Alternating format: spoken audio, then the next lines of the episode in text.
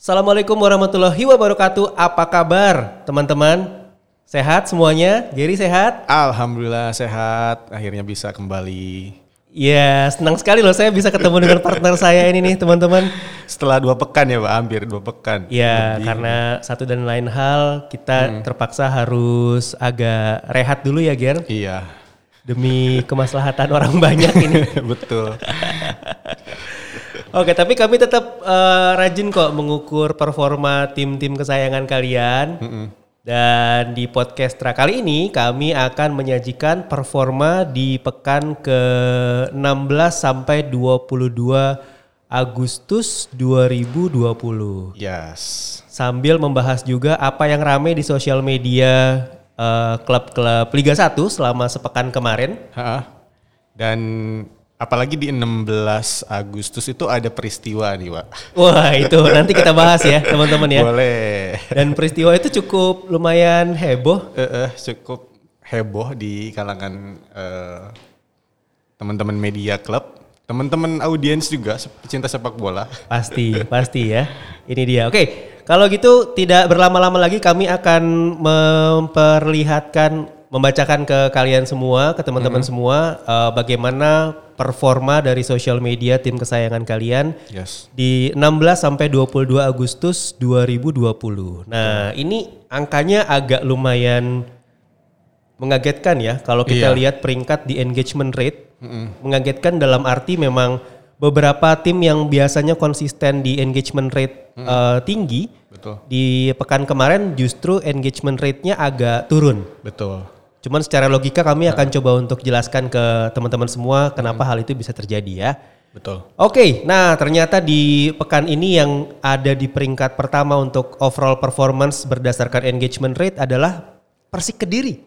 Betul. Wow. Persik Kediri dengan 2,91 persen engagement rate. Ya, ini total engagementnya ada 136 ribuan.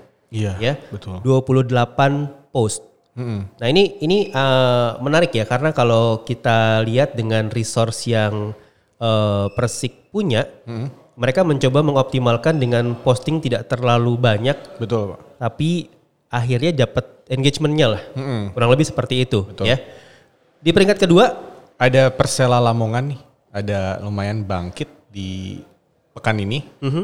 dengan 1,32 persen engagement rate. Nah memang ini lebih hemat lagi hanya dengan 6 post eh, engagementnya eh, ada di peringkat kedua, Betul. ya. Eh, total engagementnya ada 47 ribuan something. Di peringkat ketiga kita punya Persikabo dengan 1,21 persen. Nah kayak kita bilang tadi ya ini agak lumayan unik nih eh, peringkat di pekan ini ya. Persik, Persela, ketiga Persikabo. Uh, uh, lalu di peringkat keempat masih ada Persiraja. Persiraja cukup uh, konsisten sih, Pak. Ya betul. Kalau Persiraja memang kita udah nggak heran ya Persir. Sebenarnya Persiraja, Kediri. eh, Persik ya, eh, biasanya ada Persita sih Yes. di sini di peringkat 1 sampai 5 biasanya mereka eh, ada di sana gitu ya. Yes. Di peringkat kelima kita malahan sekarang punya eh, teman-teman dari Persipura yang sudah mulai rajin, eh, apalagi setelah mereka mulai masuk ke sesi latihan ya Betul. Jadi mulai memanaskan ini, Pak. mesinnya ya. Betul. Dan ini memang kita lihat ya banyak banget teman-teman yang eh, sudah mulai aktif lagi tim medianya karena eh, ketersediaan konten juga kayaknya makin banyak ya. Iya. Dan apa ya? Ambience mulai mulai muncul lagi, Pak. Uh, udah mulai suasananya udah mulai suasana football, suasana live game, live training dan lain-lain kayak gitu. Udah ya, mulai. ya, ya. Dan ada beberapa inovasi juga nanti mungkin akan kita eh, lihat ya. Di peringkat keenam kita punya Arema dengan 0,72 persen. Mm. Lalu ada Bayangkara dengan 0,68 persen. Nah Persebaya sekarang ada di peringkat ke-8 dengan 0,63 persen engagement rate. Tapi kalau kita lihat ini eh, teman-teman Persebaya eh, punya total engagement 500 ribuan, 583 ribu Betul. ya dari 42 post. Oke. Lalu ada Persita Tangerang dengan 0,53 persen. Ya, dan terakhir di 10 besar kita ada PSS Sleman dengan engagement rate 0,5 persen ya. Betul. Nah, jadi gimana tim kamu ada apa nggak nih di 10 besar overall performance untuk social media di minggu ini ya? Yes. Nanti kita juga akan lihat eh, bagaimana tim-tim yang tradisional ada di peringkat eh, atas pada pekan 16 sampai 22 kemarin itu mereka ada di eh, saat ini ya mereka ada di posisi yang eh, papan bawah nih ceritanya ya. Oke, itu dari overall performance. Kemudian kita lihat performance di Instagram. Yes. 10 besar kita ada siapa aja, Ger? Di Instagram ada Persik Kediri, masih Persik Kediri di atas dengan 7,41 persen. Ya, ini eh, konsisten dengan overall performance mereka tadi. Kemudian Persipura ada di peringkat kedua dengan 5,24 persen. Ini saya rasa ini kalau Persipura ini ada unsur eh, kerinduan ya. Yes. Jadi eh, jumlah postnya memang hanya Lima, lima, heeh. Tapi eh, yang engage itu 57 ribu. Jadi kayaknya memang ketika Persipura mulai rajin eh, update, ini rasanya sih banyak banget eh, fans yang memang menunggu update dari tim kesayangan mereka ini ya. Iya, dan ini pun kayaknya yang dirasakan oleh Persela Lamongan sih. Ah, Lamongan udah mulai naik lagi meskipun oh postmate-nya tuh baru sekitar 6 gitu kan. di Instagram ya.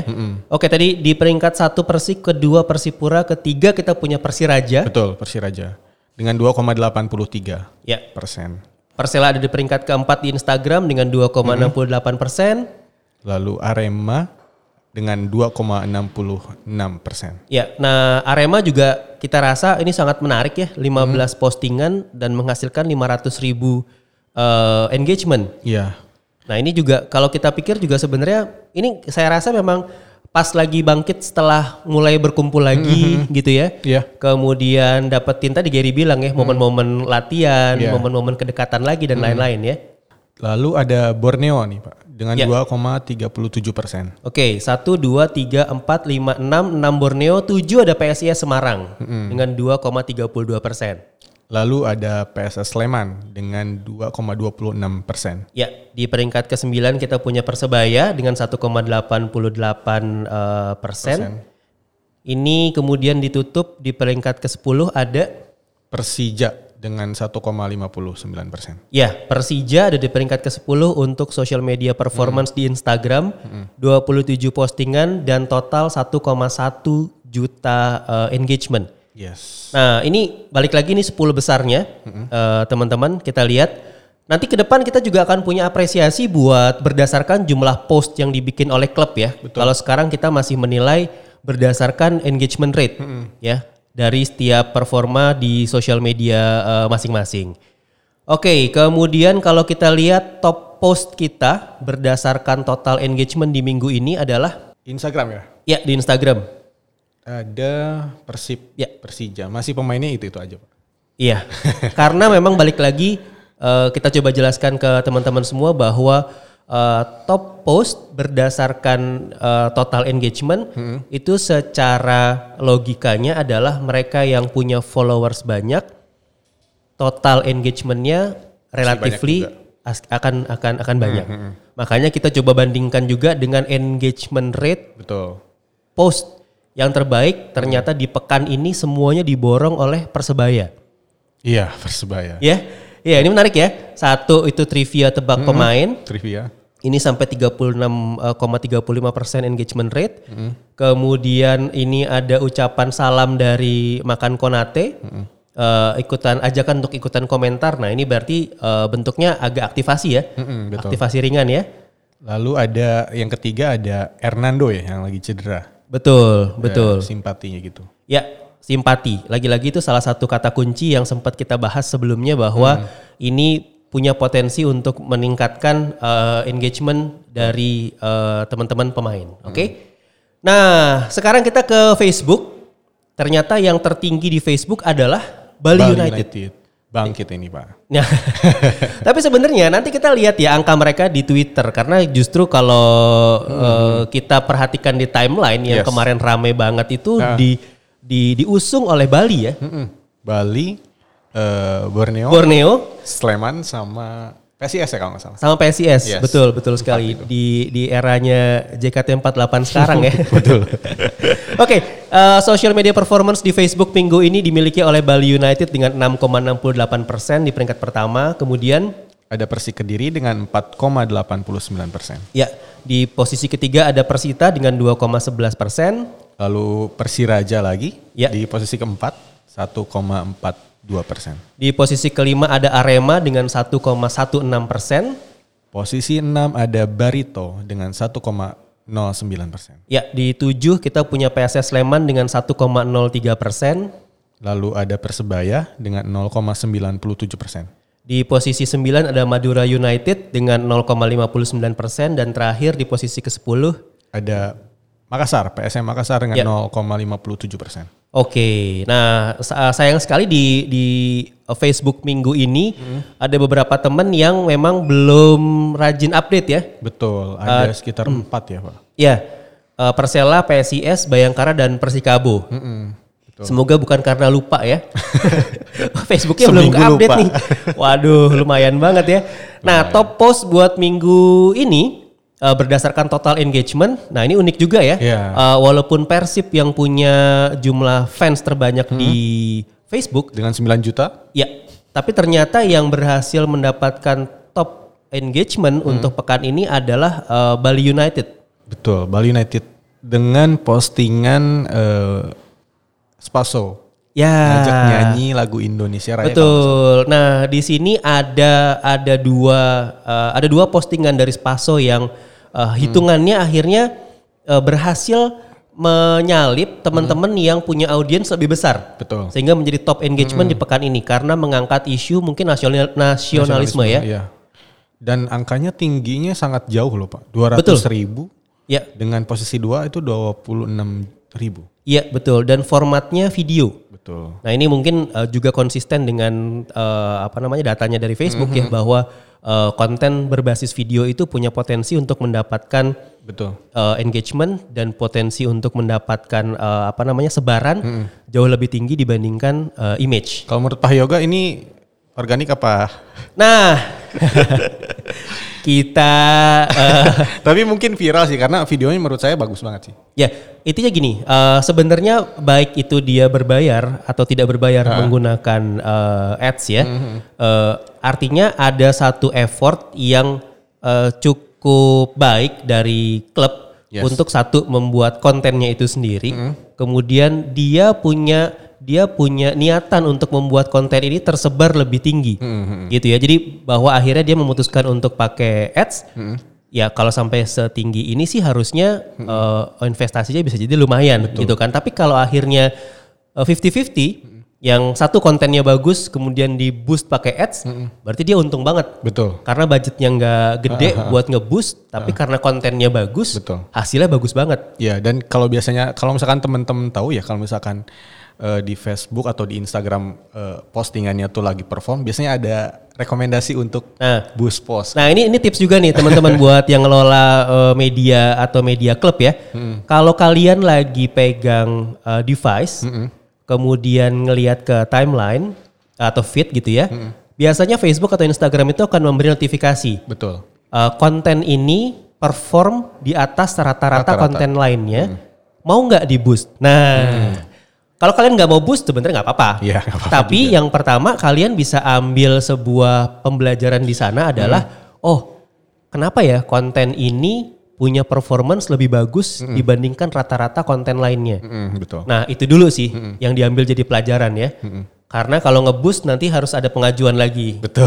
Tapi pun ada pengajuan, angkanya pun bisa lebih murah Pak daripada yang biasa-biasa kan? Nah, jadi itu juga teman-teman. Jadi kalau kalian ditawarkan oleh Facebook atau Instagram konten ini punya eh, konten ini sedang punya engagement lebih tinggi dibandingkan yang lainnya, uh. lalu dia di boost, artinya investasi teman-teman untuk memboost itu relatif akan lebih murah. Betul. heeh. Ya, artinya dengan dorongan yang tidak sebegitu eh, besar, hasilnya atau impactnya akan lebih lebih baik. Betul. Nah makanya kalau kita hitung akhirnya by engagement rate itu sebenarnya ini anomali. Anomali. 130 persen ya. Jadi 130 persen. ya balik lagi tadi walaupun eh, terlepas dari akhirnya konten ini di boost pakai ads atau enggak. Tapi oke effortnya sih Betul. eh, oke lah ya buat di sini ya. Dan selama ada uang ya nggak apa-apa sih. Iya. kan nggak pakai duit kita juga ya Iya Ger? betul. Nah, tiga post yang di Facebook ini engagement rate-nya bagus adalah dua postingan dari Bali United tadi ya terkait dengan postingannya Spaso. Yang ketiga itu adalah konten dari eh, Persik. Kediri ya. Betul, ini ucapan untuk 17 Agustus. Betul. Oke, kita beralih dari Facebook, kemudian kita menuju ke Twitter. Di Twitter di posisi pertama kita punya Persik dengan 1,51 persen. Iya. Dengan postmate-nya padahal cuma 5 aja sih. Ya betul betul sekali. Jadi kalau kita lihat balik lagi perhitungan kita engagement rate ini memang akhirnya menghitung berdasarkan uh, total audience dan total uh, engagement. Ya jadi memang akhirnya ketika dia punya audience sudah sangat tinggi, kalau engagementnya tidak terlalu banyak, jeblok nih di engagement rate. Betul. Gitu ya. Tapi kalau dia punya audience belum terlalu banyak, kemudian total engagementnya baru mulai mau naik, nih biasanya engagement rate-nya akan cukup tinggi. Iya. Ya. Di posisi kedua, Ada Persipura dengan 1,12 persen. nah buat teman-teman di Persipura, kemudian di peringkat ketiga kita punya Persiraja dan di keempat kita punya Persita. Ini ada catatan yang kita dapatkan di sini adalah reply from clubnya itu minim banget nih. Ya, eh, jumlahnya tidak tidak banyak gitu. Jadi kalau teman-teman mau secara organik meningkatkan lagi eh, engagement rate atau total engagement, ada baiknya juga melakukan respon. Betul, ada conversation di situ berlanjut. Betul, karena biasanya satu satu balasan dari klub akan memancing lagi engagement eh, berikutnya. Betul. Apalagi kalau bala- balasannya bisa dibilang bernuansa positif atau eh, mengundang untuk teman-teman lain berkomentar lagi juga, gitu ya. Oke, kemudian di peringkat kelima kita punya PSS Sleman. PSS Sleman mulai bangkit lagi Yep. dengan 0,23 persen. Ini eh, sebelum atau sesudah isu terkait mobil itu belum, bukan ya? Mobil Yang pinjem si coachnya mau ini gitu loh. Ah udahlah. Jangan dibahas Jadi ya. gosip. Ya ya ya. Oke di peringkat kelima ada PSS Sleman di keenam. ada Borneo FC Nah, dengan ah, oke Borneo di peringkat keenam, PSIS di peringkat ketujuh. Ini ada impact dari yang akan kita bahas nanti ya. Eh, eh, apa namanya tektokan antar klub. Betul. Karena di Twitter kita lihat di sini postmate dari eh, Borneo itu sampai 45 dan PSIS itu 52. Dan mereka pun cukup rajin mereply. Iya, dan kalau dilihat dari like dan share-nya itu menonjol sendiri sih, Pak. Iya, betul, betul, betul. Di sini kita lihat eh, apa namanya Borneo eh, dapetin like 6 ribuan something gitu ya. PSIS kemarin eh, dapetin 3.900 something untuk di di, Di like-nya. Twitter. Di Twitter. Di Twitter tuh sangat susah loh untuk Sekarang ya? angka segitu, iya. Benar, benar. Nah, em, kalau kita lihat juga nih di Persebaya di peringkat ke-8 dengan 0,11 persen. Yes. Ini juga sebenarnya kemarin akhirnya menimbulkan sentimen eh, agak negatif. Saya bilang agak negatif karena mungkin eh, belum belum terlalu eh, apa ya masif ya. Yes. Em, ketika teman-teman bonek kasual, kemudian bonekpedia mencoba mengingatkan kepada admin Persebaya update gitu ya. Lagi liburan. Iya. ayo min, ayo min gitu. Kemudian akhirnya eh, teman-teman emosi jiwaku juga akhirnya keluar di sana yang malahan untuk mencoba tektokan dengan teman-teman di klub lain Iya, gitu iya. kan. Nah persebaya makanya di sini kita lihat eh, angka reply from klubnya juga cukup minim bahkan terbilang eh, nol gitu Nol, ya. iya. Jadi makanya dia ada di peringkat ke 8 Mm-mm. Ini juga kayaknya kejadian sama klub yang nomor satu ya, Pak. Karena diwakilin gitu. Oh. Lalu di peringkat ke-9 Ya. ada PSM Makassar dengan 0,09 persen. Oke, dan di peringkat ke-10 kita punya Madura United dengan 0,07 persen. Nah, mungkin uh, pekan kemarin karena uh, mulai mulai dari pekan 16 ya, uh, sorry tanggal 16 sampai tanggal 22 ada beberapa libur ya, beberapa libur bener ya? Ya. 17 kita libur, 20 libur, kemudian 21 juga libur sebenarnya kan karena hari hari eh, cuti bersama gitu ya. Jadi makanya memang kalau kita lihat overall performance social media beberapa klub itu seperti agak turun. Ya. Mungkin lagi istirahat dulu. Lagi istirahat dulu. Nah, oke, ini sambil kita masuk ke bahasan berikutnya terkait sama eh, kita mau bicara tentang eh, banter sedikit gitu ya. Kemudian kita berbicara juga tentang bagaimana eh, tektokan antar eh, media klub yang akhirnya bisa berdampak kepada si klub itu sendiri gitu ya. Nah, di sini kita melihat data di bul eh, di pekan kemarin itu total post yang dilakukan oleh Bali itu sangat masif. Ya. Eh, Ada 148 kali postingan di Twitter. Ini yang akhirnya eh, apa namanya? Ini yang akhirnya menimbulkan eh, conversation, gitu ya. Eh, angka like-nya cukup tinggi. Kemudian reply from club. Nah ini, ini yang mau salah satu yang mau saya bahas nih, Ger. Sampai hampir 100 ya reply. 100 kali mereka melakukan reply kepada audiensnya. Nah ini kan kalau menurut saya eh, bagaimana bentuk mereka mencoba untuk berkomunikasi dua arah. Betul. Satu, kenapa kita coba apresiasi Bali karena walaupun dia punya engagement rate compare to total audiensnya eh, rendah 0,02 persen, tapi effort untuk meningkatkan untuk meningkatkan engagement rate-nya ini yang harus diapresiasi. Betul. 148 kali post dan kalau kita lihat bentuknya itu mulai dari sesimpel saling berbalas foto. Ini ya, ini saling berbalas foto dengan tadi terutama yang akhirnya juga cukup banyak eh, reply from clubnya adalah dari Borneo, kemudian dari PSIS, Sleman. Iya, kemudian Sleman juga eh, ini yang membuat akhirnya Bali United cukup signifikan di eh, total post Betul. di di Twitter. Nah, ini usaha yang eh, harus diapresiasi sih gitu kalau menurut saya, Ger. Yes. Apalagi kalau misalkan kita bicaranya soal share of voice gitu, Pak. Ya siapa pun yang lebih banyak apa Yep. eh, nge-tweet atau post yaitu kehitung gitu, kehitung share of voice dan makin banyak eh, attempt, makin banyak usaha yang makin apa ya, makin deket juga apa dapat interaksinya, dapat engagementnya kayak gitu. Nah, satu hal yang akhirnya saya juga eh, lihat dari fenomena Bali di minggu lalu adalah eh, bagaimana mereka tidak sungkan untuk eh, berbalas dengan satu klub lain. Betul. Yang kedua ternyata mereka juga mengapresiasi komunitas klub lain. Hmm, hmm. Jadi ketika mereka mereply Sima Maung, mereka tektokan dengan emosi jiwaku juga gitu ya.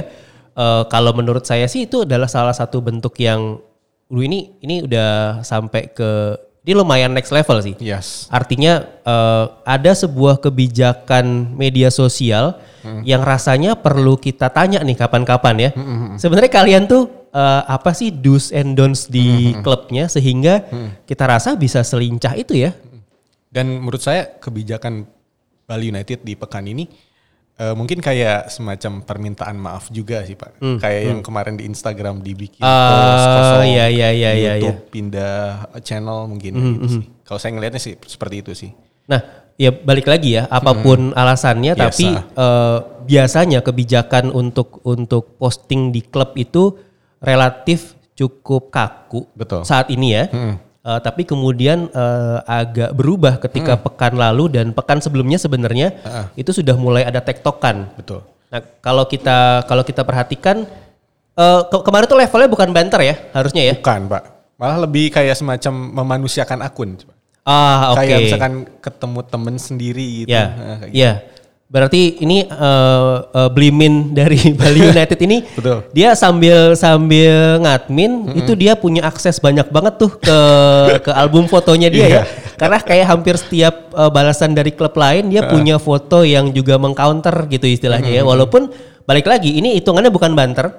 Ini adalah bagaimana conversation antar klub bisa bisa terbangun dengan dengan positif. Yes. Satu, kalau buat saya keuntungannya adalah walaupun tidak berdampak langsung pada uh, engagement rate, tapi total engagement dari uh, Bali itu cukup tinggi compare to uh, total audiensnya dia.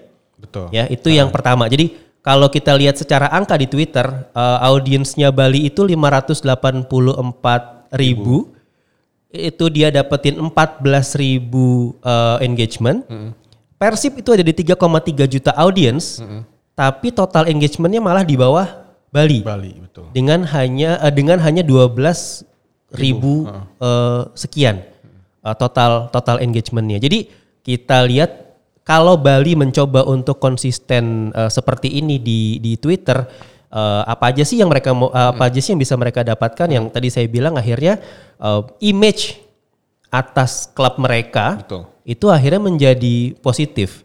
Lebih jauh lagi ketika ini disikapi juga dengan positif oleh teman-teman di ekosistem di bawahnya, harapannya sih saya pikir teman-teman di bola juga bisa terus eh, dalam nuan- nuansa positif ya. Dan ini juga bisa dijadiin campaign sih sebenarnya Pak. Apalagi misalkan eh, sekarang bentar lagi ada kompetisi, terus ada ada campaign yang harus dilakukan agar misalkan supporter semuanya tetap diam di rumah. Ini bisa jadi conversation juga. Ini bisa jadi ide juga gitu cara. Uh, Oke, okay. ada conversation ini ya. Mm -hmm. Nah, tapi sebenarnya tadi balik lagi kita bicara kebijakan tentang gimana sih saya mm. sebagai admin klub. Mm ada beberapa yang dikritisi oleh audiensnya. Contohnya Betul. Persebaya dikritisi juga, hmm. diingatkan untuk ikut hmm. aktif juga. Uh, Persib uh, juga cukup rame. Betul. Uh, diajak untuk ikut aktif juga. Nah, hmm. sebenarnya gimana sih kalau menurut Gary? Kembali sih, Pak. Uh, awalnya yang penting itu pertama kita tahu dulu gitu. Uh, persona kita tuh mau kayak gimana. Persona ya. Persona. Kita sih. pernah bahas persona Betul. ya. Betul. Dan biasanya itu kita pun ambil dari data yang uh, insight uh, audiens kita tuh gimana gitu. Mm -hmm. Uh, misalkan usia sekitar 20 sampai 30-an, terus suka JKT, suka mm apa. Karena memang itu akan merepresentasiin uh, si audiens kita gitu. Yeah. Lalu uh, karena kebanyakan audiens kita seperti itu, ya kita menjadikan persona kita sebagai audiens itu. Jadi jadi akan lebih banyak gitu loh Pak untuk yang lebih terangkul jadi lebih masuk lah kayak gitu. Oke, nah ngomong-ngomong tadi tentang uh, persona, kita mm. bicara juga tentang kebijakan. Mm -mm. Kita nggak akan pernah bisa bikin kebijakan mm kalau kita tidak kembali lagi ke awal tadi, mm mendefinisikan uh, persona Betul. kita siapa yeah. dan apa yang ingin kita lakukan bersama mm audiens. Jadi gini mm sebenarnya, yang mau saya katakan adalah bahwa tidak salah, tidak selalu salah mm untuk tidak mereply. Betul selama memang itu adalah sebuah kebijakan yang disadari mm -mm. bahwa oh saya adalah elegan, saya nggak mm dengerin JKT. Oke. Okay. Berarti nggak berarti dengerin JKT nggak elegan ya? Nggak nggak nggak. Padahal kita dengerin JKT ya kan? uh, uh, balik lagi selama keputusan itu memang didasari pada uh, data, data atau memang sudah didiskusikan, mm -hmm. bukan bukan sebuah bentuk uh, kemalasan mm -hmm. dari uh, pengelola media sosialnya. Betul. Kadang kadang uh, sebelum kita apa ya uh, melihat how kita harus lebih tahu dulu why-nya gitu. Mm, mm. Betul. Jadi titik poin kita tuh ada di mana, analisis situasi kita tuh kayak gimana, mm. datanya tuh gimana, audiensnya gimana, sehingga abis dari sana udah why, how-nya tuh udah kebentuk gitu yeah. gimana gitu. Nah, ini kalau ke, apa terkait persona, kebetulan hmm. klub yang uh, kita bicarakan salah satunya adalah hmm. Persib, hmm. Persebaya juga gitu ya. hmm. ya. Uh, uh, saya lewat akun Sima Maung mencoba untuk oh, eh memang audiensnya JKT dan audiensnya bola itu nyambung ya. Hmm. Nah, uh, kita buat eksperimen konten memang hmm. jujur kita bilang eksperimen karena ya kita belum pernah melakukan sebelumnya hmm. mengkombinasikan antara sepak bola dengan, dengan uh, JKT uh. gitu ya. Nah akhirnya kemarin ketika muncul hashtag karena JKT48 hmm. uh, kita rilis sebuah konten uh, di mana teman-teman Persib lagi latihan, hmm. tapi kita isi, kita isi dengan lagu Sonichi-nya JKT48. nah itu ternyata dapetin uh, tanggapan cukup bagus. Uh -uh. Uh, satu dari dari uh, jumlah views mm-hmm. di video Twitternya mm-hmm. cukup tinggi, kemudian jumlah like dan retweetnya juga sangat mm-hmm. uh, sangat tinggi. Itu mm-hmm di atas rata-rata si Maung biasanya yeah. uh, posting. Yes. Nah, itu juga kita agak heran juga gitu. Dan mungkin ride the wave juga mungkin Pak. Karena kan ada kejadian mantan nah. itu ya. Tapi jujurnya saya nggak ngambil karena itu ya. Jadi momennya memang kalau kita lihat di, di khususnya di Jawa Barat yes, kemarin uh ya. Uh, baru 75 tahun Provinsi Jawa Barat. Mm -hmm. Mereka mengundang JKT48 juga. Oh iya iya. Itu satu hal. Uh -huh. Yang kedua lagi ada momen tektokan antara teman-teman klub. Yes. Uh. Ya, uh, balas-balasan uh, uh, lagu JKT48. Betul, uh. Uh, Borneo bahkan uh, fansnya mereka ada hmm, yang hmm. buat uh, apa namanya? Dari dari reply, dari reply. Ya, ya dari jadi reply gitu ya, akhirnya jadi jadi lagu uh, gitu ya kalau nggak salah uh, River ya. Uh, uh, itu keluar jadi jadi lagu. Nah kita uh, sebenarnya ngelihat oh lagi ada momen ini kita coba ah. Uh, nah itu artinya kita mencoba merespon. Terlepas dari oh apakah si Maung juga wota gitu istilahnya kita juga melihat bahwa oke okay, kita cuman satu mencoba merespon dulu. Nah kecepatan respon tadi pertama kita bicara uh, satu karakter sosial media yang ingin dibangun oleh oleh klub ya. Hmm. Yang kedua bagaimana kecepatan uh, tim sosial media hmm. untuk merespon eh, konten atau merespon sebuah fenomena ya. Itu saya rasa cukup cukup penting juga tuh Ger. Ya insting juga sih pak. Maksudnya bisa ngelihat kesempatan ada di situ, lalu bisa masuk ke situ tapi dengan tetap eh, mengusung nilai-nilai yang diusung sama brand atau klubnya. kan. Ya. Nah, kalau tadi kalau by data ya, kita bicara Borneo di pekan kemarin itu ada di peringkat 1 2 3 4 5 6. Di peringkat ke-6 untuk di Twitter ya. Nah, akhirnya kalau kita lihat ini mereka mereka mendapatkan user generated content yang cukup baik. Ya dua dua lagu JKT yang dibuatkan oleh fansnya mereka kemudian mereka repost. Yes. Nah, itu kan akhirnya mereka nggak perlu ngedit. Betul, dan itu juga jadi konten sendiri gitu. Dan maksudnya secara apa secara brand juga keangkat oleh eh, fansnya sendiri gitu. Nah, Hmm. Oke, tadi kita bicara eh, apa sih persona yang teman-teman ingin ingin ingin bangun ya. Eh, Bali kita komentari eh, positif ketika mereka mencoba untuk eh, apa namanya tektokan dengan klub lain. Mereka membuat konten sederhana dengan hanya eh, video, eh, sorry eh, foto bahkan ya. Eh, tapi kemudian mereka mau mereply atau merespon teman-teman dari media sosial Ya. klub lain dan media sosial komunitas eh, klub lain itu satu hal. Nah ini balik lagi ke kebijakan. Jadi bisa aja teman-teman nggak mereply ya balik lagi kita coba ingetin bahwa bisa jadi itu tepat selama memang sudah menjadi bagian dari kebijakan yang diatur oleh klub. Iya. Eh, bukan karena eh, nggak tahu nih ada tren. Sayang banget tuh kalau melewatkan sebuah tren gitu ya. Iya. Nah yang kedua adalah pada kecepatan respon ketika sedang terjadi sebuah fenomena. Kita bicaranya, kita bicara istilahnya kontekstual ya. Kontekstualitas gitu istilahnya. Yes. Dan jangan lupa juga Pak karena kita bahasnya tanggal 16 sampai 22. Nah, di tanggal 16 tuh ada sesuatu yang menarik nih Pak. Oh, apa tuh Ger? Apa tuh Ger? Kalau tadi kan kita ngobrolnya soal interaksi TikTok 1 2 Ya, gitu. ya. Nah, ini tuh ada satu konten yang banter nih, Pak. Ah, oke itu yang kita jadi bahas berikutnya ya. Oke Ya. oke oke. Yang pertama ini, ini tanggal ya, 16. Ya, ya, ya. Nah, di di hari pertama itu eh, saya kalau saya ngeliat tuh di Persi, Persija ya. Persija melan- eh, melemparkan apa ya? semacam sindiran, bukan Mhm. sindiran sih tapi menunjukkan dirinya juara di Ah, oke. apa yang populer di Indonesia Ya. atas berdasarkan vote dari eh, AFC kalau nggak salah. Ya, betul. AFC terus situ dia menang gitu. Di situ ada momen kemenangan Ya.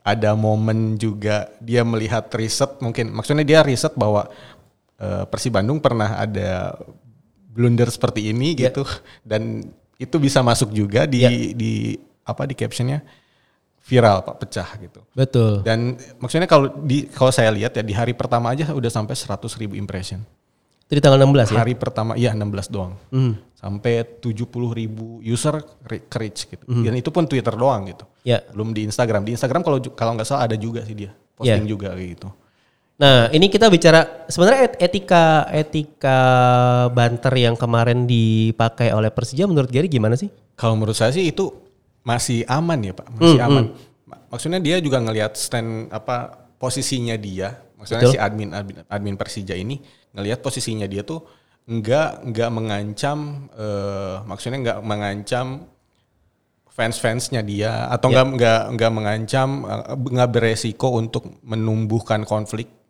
Ya. Nah, dia tuh malah eh, ini cerita dia cerita bahwa Ya. eh, saya juga sebetulnya hati-hati aja.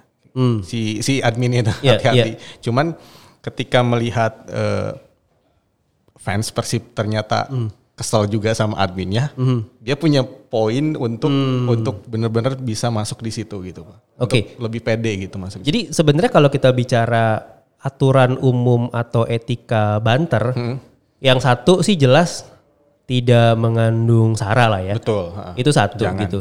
Yang kedua memang ini yang agak tipis sih sebenarnya di dipilahnya adalah bagaimana supaya tidak eh, menyinggung dalam tanda kutip eh, apa ya pride tuh pasti pasti tersinggung lah ya. Iya. Nah, cuman ternyata kan dalam hal ini ketika Persija mencoba untuk membantar Persib terkait dengan uh, the best team football, nah itu ternyata sebuah komentar yang uh, bahkan ketika Persib memposting itu pun sentimennya negatif. Betul. Sehingga seakan-akan memang Persija juga uh, sepakat dengan si uh, audiensnya Audiensnya Persib. Sendiri gitu. Nah harapannya memang bagi Bobotoh waktu itu ketika men- uh, ketika di dibanter oleh uh, Persija, hayu atuh ada sesuatu gitu ya, Yes. uh, melawankah gitu ya, sekedar meresponkah. Ternyata teman-teman di uh, Persib ketika itu lagi kayak lagi sibuk 17-an ya. Karena itu 16 kemudian 17 ya. Iya, dan itu weekend. Betul, betul. Eh, 16 tuh minggu kalau nggak salah ya. Minggu. Tu- 17 tuh kan hari Senin ya. Senin, iya. 17 tuh hari Senin. Jadi eh, dan ya lagi-lagi pas eh, pas libur mungkin sekali lagi kebijakannya mereka mungkin stick to the eh, content plan. Mhm. Dan tapi saya ngelihat Persija itu Pak benar-benar memanfaatkan banter tweet itu sebagai apa ya cara efektif menunjukkan apa ya eh, ke- kecerdasannya dia gitu dalam melihat momen. Kayak Nah, gitu. ya itu kalau itu saya sepakat sih. Jadi memang eh, agak-agak riskan, tapi balik lagi tadi dia tidak menyerang sesuatu, kemudian masih hangat konteksnya karena persaingan antar vote, voters mereka di AFC kemarin eh, Persib sempat unggul ya. Yes. ha. Persib sempat unggul, di hari kemudian tersebut ha, sempat. eh, akhirnya Persija take over di tikungan terakhir, eh, mereka jadi yang terbanyak vote-nya untuk menjadi klub paling populer di eh, di Indonesia. Nah kalau buat saya sebenarnya terlepas dari banter itu, yang mau saya bilang adalah ada conversion yang tercipta dari sosial medianya eh, Persija terkait untuk ajakan orang ngevote. Oh yes. Ya. Itu conversion ya. Apa pun dapat hadiah enggak. Kebanggaan ya buat saya Iya. bangga gitu ya, tapi kan eh, adu banyak-banyakan vote gitu ya. Tapi berhasil mengkonversi. Betul. Eh, entah Persib yang waktu itu kurang Promo. kurang promo gitu ya atau yang kita kalau buat saya pribadi eh, mau mau mau utarakan adalah apakah conversion rate di eh, Persib memang rendah walaupun punya potensi audiens yang sangat tinggi. Ya. Kalau misalkan kembali gitu Pak, kalau misalkan ngomongin funnel ya Pak. Ya, Eh, kalau kita ngelihat dari interaction aja di media sosial gitu, Ya. Persija dan Persib itu meskipun Persija di bawah eh, Persib secara eh, digital communitiesnya atau followersnya, Persija tuh interaksinya lebih tinggi. Mhm. Eh, selama di semester pertama 2020 ini, Ya. Persija tuh selalu di atas secara interaksi gitu. secara interaksi ya. Eh, jadi ya bisa juga gitu pak ketika bener bener-bener funnelnya tuh bener mem- mem- me- memerlukan usaha gitu dari fans untuk nge-follow eh sorry untuk nge-vote Vote. itu ya lebih ini lagi gitu lebih sempit lagi dan Persija punya bekal interaksi tinggi gitu kayak gitu sih Jadi bukan cuma audiensnya tinggi, tapi eh, interaksinya juga, Interaksinya, juga betul. cukup tinggi. Dari interaksi yang cukup tinggi itu, akhirnya mereka ternyata mampu mengarahkan eh, audiensnya yes untuk keluar dari sekedar interaksi di sosial media menuju ke tahap berikutnya conversion. Nah dalam hal ini conversionnya adalah vote. betul Nah ini teman-teman yang kita juga mau ingetin. Jadi artinya gini, apa sih untungnya tektokan, apa sih eh, untungnya banter dan lain-lain gitu istilahnya ya. Eh, bagi kita adalah kembali lagi ke kebijakan sosial media atau pengelolaan sosial medianya teman-teman. Satu, pahami dulu media yang kalian sedang handle seperti apa. Yes. Uh, role of channelnya seperti apa. Di di Twitter tuh mau ngapain di Facebook mau ngapain di Instagram mau ngapain. Dan jangan lupa objektif ya. Kita dari awal selalu cerita tentang punyailah atau milikilah Tujuannya. uh, tujuan gitu. Hmm, betul. jadi bagi baik baik balik lagi ya. Oh Persib sekarang tidak pernah nih masuk 10 besar Uh, mungkin bagi Persib mereka tidak mengincar engagement rate tapi pada total engagement betul jadi teman-teman juga tidak bisa eh, tidak bisa langsung menyalahkan eh, Persib. Kalau ternyata kita kan nggak paham. Eh, Persib tuh memang eh, pengen eh, yang penting total engagementnya tinggi, Eh, tidak terjadi penurunan di sosial media. yes Bisa jadi itu adalah sebuah objektif dari mereka. Ya. Sementara mungkin buat klub-klub yang tadi eh, baru memulai eh, sosial media mereka eh, yang baru naik dari Liga 2 ke Liga 1, ini lagi semangat banget nih. yes eh, tumbuh dan lain-lain sehingga engagement rate-nya eh, tinggi. Jadi objektif mereka mungkin masih di di engagement, di growth dan lain-lain gitu ya. Mungkin eh, Persija, Persebaya juga punya objektif yang beda juga gitu. Jadi apa sih artinya data yang kita sajikan selama ini? Balik lagi, ini adalah data yang ada di lapangan, tapi apakah objektif dari setiap klub itu? Tentunya kita balikin lagi ke teman-teman. Dan maksudnya kita ngebahas soal banter tweet juga bukan berarti memperbolehkan banter dengan gampang gitu ya. Pak. Maksudnya Ya. perlu benar-benar apa consideration benar-benar perlu apa ya pertimbangan banget gitu loh. Ya, satu hal lagi yang mau kita eh, bahas terkait sama banter adalah eh, banter adalah bagaimana karakter audiens kita. Betul betul. Itu sangat sangat penting ya. Jadi kayak misalnya di US eh, banter antar akun brand Eh, yang sering terjadi KFC lawan McD, Yes. lawan BK.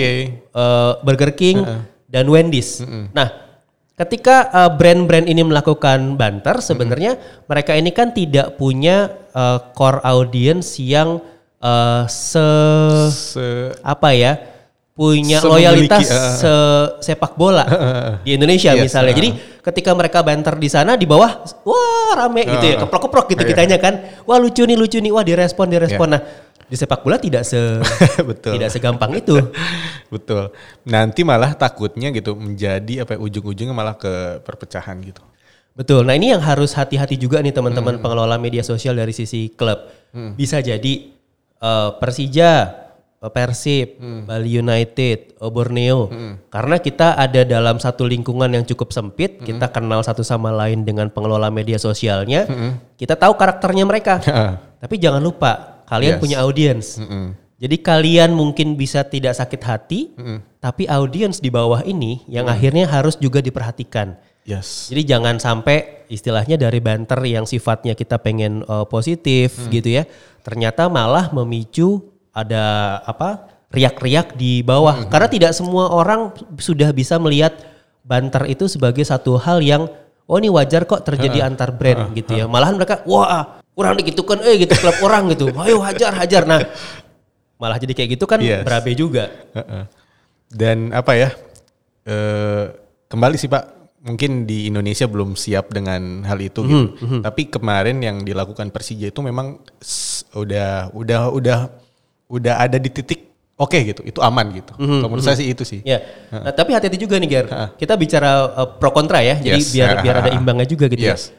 Ketika kita merasa kadang-kadang kita kita merasa ah ini mah kayaknya aman gitu ya. Eh di bawah pada pada ribut itu bisa terjadi banget loh. Iya iya bisa bisa. Itu sangat-sangat bisa terjadi. Jadi uh, teman-teman juga harus harus uh, Bijaksana. Bijaksana, bener.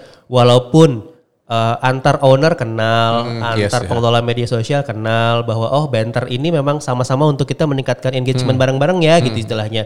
Sampai tahap itu mungkin teman-teman bisa jadi punya sebuah kesepakatan baik tertulis maupun tidak tertulis antar pengelola media sosial di klub Liga 1 gitu misalnya. Tapi jangan lupa nih teman-teman kalian itu adalah opinion leader, influencer kepada para audiens kalian Betul, gitu. Yang semuanya belum tentu punya pemahaman yang sama untuk mengerti tentang tadi. Akhirnya kita bicara pride gitu. Iya iya. Apalagi mungkin eh, sangat hati-hati ketika mungkin eh, apa ya yang dilemparkan itu sangat eksplisit gitu. Kalau kalau kita ngelihat mungkin di klub-klub Liga Inggris itu ya implisit implisit itu masih sangat banyak gitu. Misalkan Gerard kespleset diulang-ulang sama Chelsea gitu. Ya. Itu tuh kan sebetulnya banter juga, cuman nggak kelihatan gitu maksudnya. Nah di Indonesia ini masih sangat harus hati-hati. Ya balik lagi kalau saya sih ngerasanya adalah eh, teman-teman juga harus memperhatikan bagaimana audiens, karakter audiens Yes. teman-teman ketika melakukan itu ke klub lain gitu ya. Jadi karakter audiens teman-teman, karakter audiens tim lawan juga dan bagaimana potensinya itu untuk akhirnya ya kita sama-sama nih kalau Liga 1 itu kan punya eh, semboyan kita bersaudara ya. Bersaudara. Kita bersaudara. Jadi mungkin eh, bukannya tidak boleh banter, tapi memang jadi harus ekstra hati-hati melakukan banter di Liga 1 gitu. Mm-mm. Apa ya? Harus benar-benar eh, hati-hati lah. Betul, betul, betul. Ini eh, waspadanya lagi-lagi tadi bukan cuman antar klubnya, tapi di bawah itu apa namanya potensi-potensi gesekan itu bakalan masih masih ada. Gitu teman-teman. Wah, seger juga ya kita ngebahas data dan banter dan tektokannya antar klub. Oh ya, terima kasih banyak buat No Limit atas support datanya untuk kita eh, selama ini. Dan mungkin eh, saya sama Giri ingin menyampaikan kalau podcastra nih ke depannya kita akan eh, hitung itu dua minggu sekali. Iya.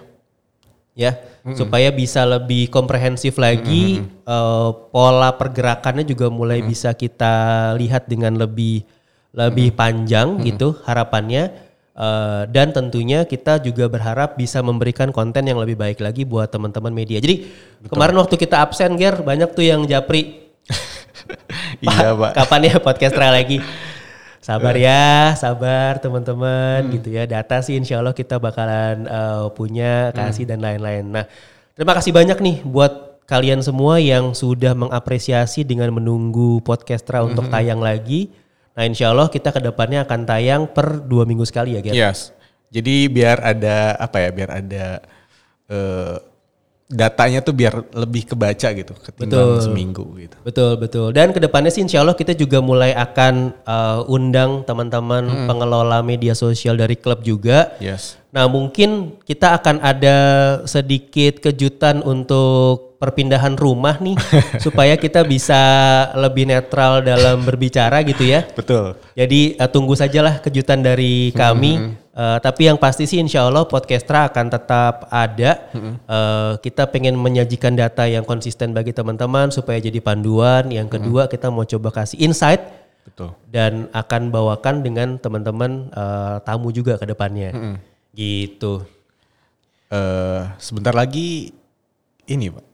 Liga mulai nih. Nah, itu dia. Tetap semangat ya, teman-teman.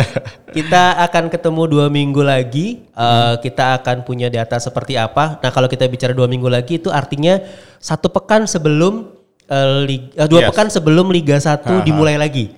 Ya, nah harusnya sih datanya cukup eh, segar dan datanya eh, akan lebih meningkat lagi ya. Betul. Awas loh kalau nggak ningkat kita Iya. jabarin satu-satu nih. Harus benar-benar dimanfaatkan eh, momen apa ya?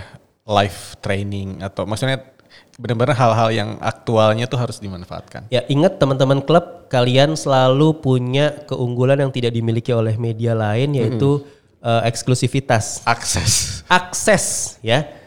Udah dibatas-batas, habis itu konten yang nggak bagus juga kan kebangetan gitu ya. Curhat. Udah lah ah ya. Oke. Begitu teman-teman, terima kasih banyak Eh, Gary Ya, dan Yoga pamit dulu untuk podcastra edisi yang sekarang. Terima kasih sudah menyimak Terima kami. Ya, kita pamit dulu. Wassalamualaikum warahmatullahi wabarakatuh.